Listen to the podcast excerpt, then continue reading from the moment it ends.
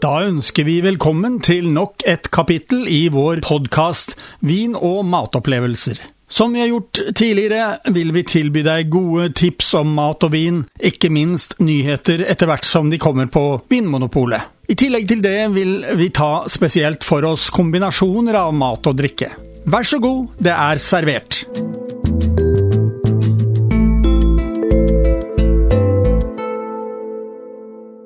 Nå har det nettopp kommet nye viner på Vinmonopolet, og det har vært mange lovord rundt disse. Heftig, tidenes beste januarslipp, sjeldne viner. Som sagt, det har kommet mange lovord.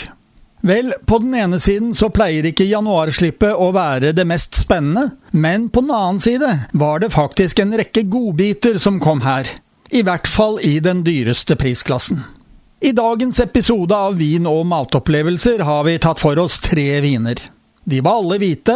De som kjenner oss fra før, vet at vi gjerne kjører noen hvite uker på begynnelsen av året. Ikke minst etter mye julefeiring med tunge rødviner og mye fet mat.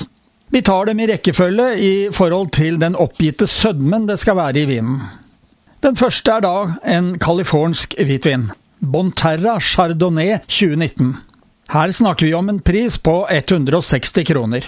Denne smakte vi også i sommer, men nå har den altså kommet med en ny årgang. Og Bonterra Organic Vineyards lager, som navnet tilsier, organiske viner. Vingården ligger i Mendocino County, altså nord for San Francisco. Den ble etablert i 1987 av Fetzer Vineyards, og er derfor en forholdsvis ung produsent. Dette er en ung vin. Det er bare et drøyt år siden druene ble plukket. Og druene er for det meste chardonnay. Men den har også med seg noe Viognier, Rosanne, Muscat og chenille Blanc. Altså en skikkelig blandingsvin. Og nettopp dette gjør vinen litt spennende, og gir den litt kompleksitet. Fargen er lys gulgrønn. Duften er en ung, fruktig duft med kanskje litt eplepreg. I tillegg vil du kanskje finne duft av tropisk frukt. Smaken følger duften, med litt eh, modent eple, litt sitrus og litt tropisk frukt. Det var god fylde. Dette er en tørr vin, men har fin fruktighet. Så hva slags matfølge kan vi ha til denne vinen? Vel, som en aperitiff på en varm sommerdag kan et glass av denne passe meget godt. Jeg testet den til en god middag med grillet kylling og salat. Det var helt perfekt. Den har skrukork, noe som ikke er å forakte på viner som skal drikkes unge. Dette er et godt kjøp, er konklusjonen til ekspertene. Denne vinen finner du i basisutvalget. Det betyr at de fleste butikker har tatt den inn.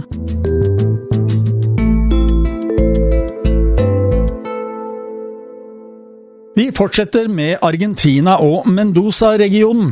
Trivento Bodegas e Vinedos, som ble grunnlagt av chilenske Viña Concha i Toro i 1996, er i dag blant Argentinas ledende eksportører av vin. Firmaet eier åtte vingårder, alle med beste beliggenhet i Mendoza, som er Argentinas mest kjente vinregion. Store deler av Triventos vinmarker er beplantet med Argentinas nasjonaldrue, Malbec. Og herfra har jeg tatt for meg vinen Trivento White Malbec Reserve 2020. Eh, Her snakker vi om en eh, pris på 120 kroner, altså en pris som de fleste som skal ha seg en vin, har råd til. Også denne smakte vi i sommer, men nå har den altså kommet i ny årgang. Denne er interessant, siden vi har her en hvitvin laget av en kraftig rødvinsdrue. Det gir vinen et delikat, svakt rosa skjær. Duften er fruktig og har et preg av lyserøde bær, i tillegg til å være litt saftig. Jeg må også legge til at duften var litt tilbaketrukket. Jeg forsøkte den først med en litt høyere temperatur enn jeg ville anbefalt. Deretter forsøkte jeg en mer korrekt temperatur for denne vinen.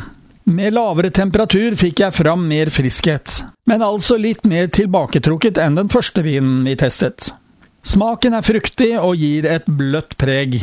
Vinen har eh, litt mer sukker enn den første, men er absolutt i det tørre området. Så hva kan vi bruke denne til? Det er en vin som med lav temperatur kan være god på terrassen. Jeg hadde den til en kyllingsalat, noe den passet eh, meget godt til.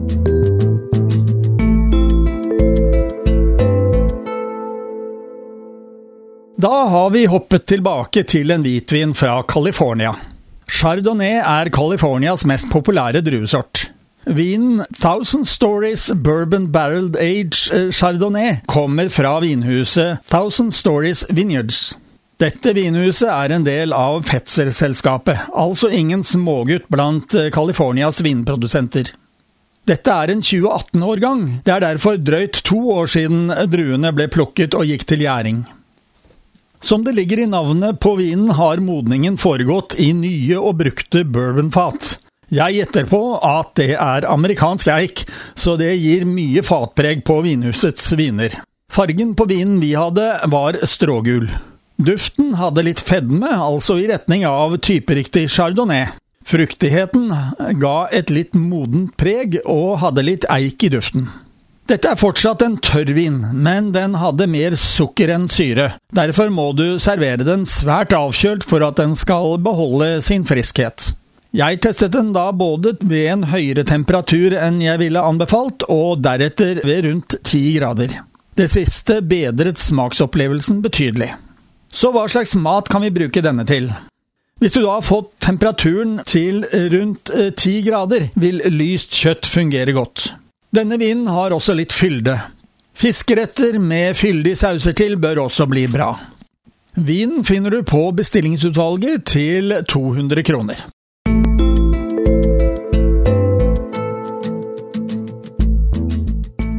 Som nevnt innledningsvis har mange understreket at de mener dette vinslippet var svært spennende. Og det mangler ikke på eksempler på det. Vinanmelderne har gitt mange av de nye vinene toppskåringer. Det som er synd, er at eh, de kanskje koster fra over 500 kroner til nærmere 1500 kroner flasken.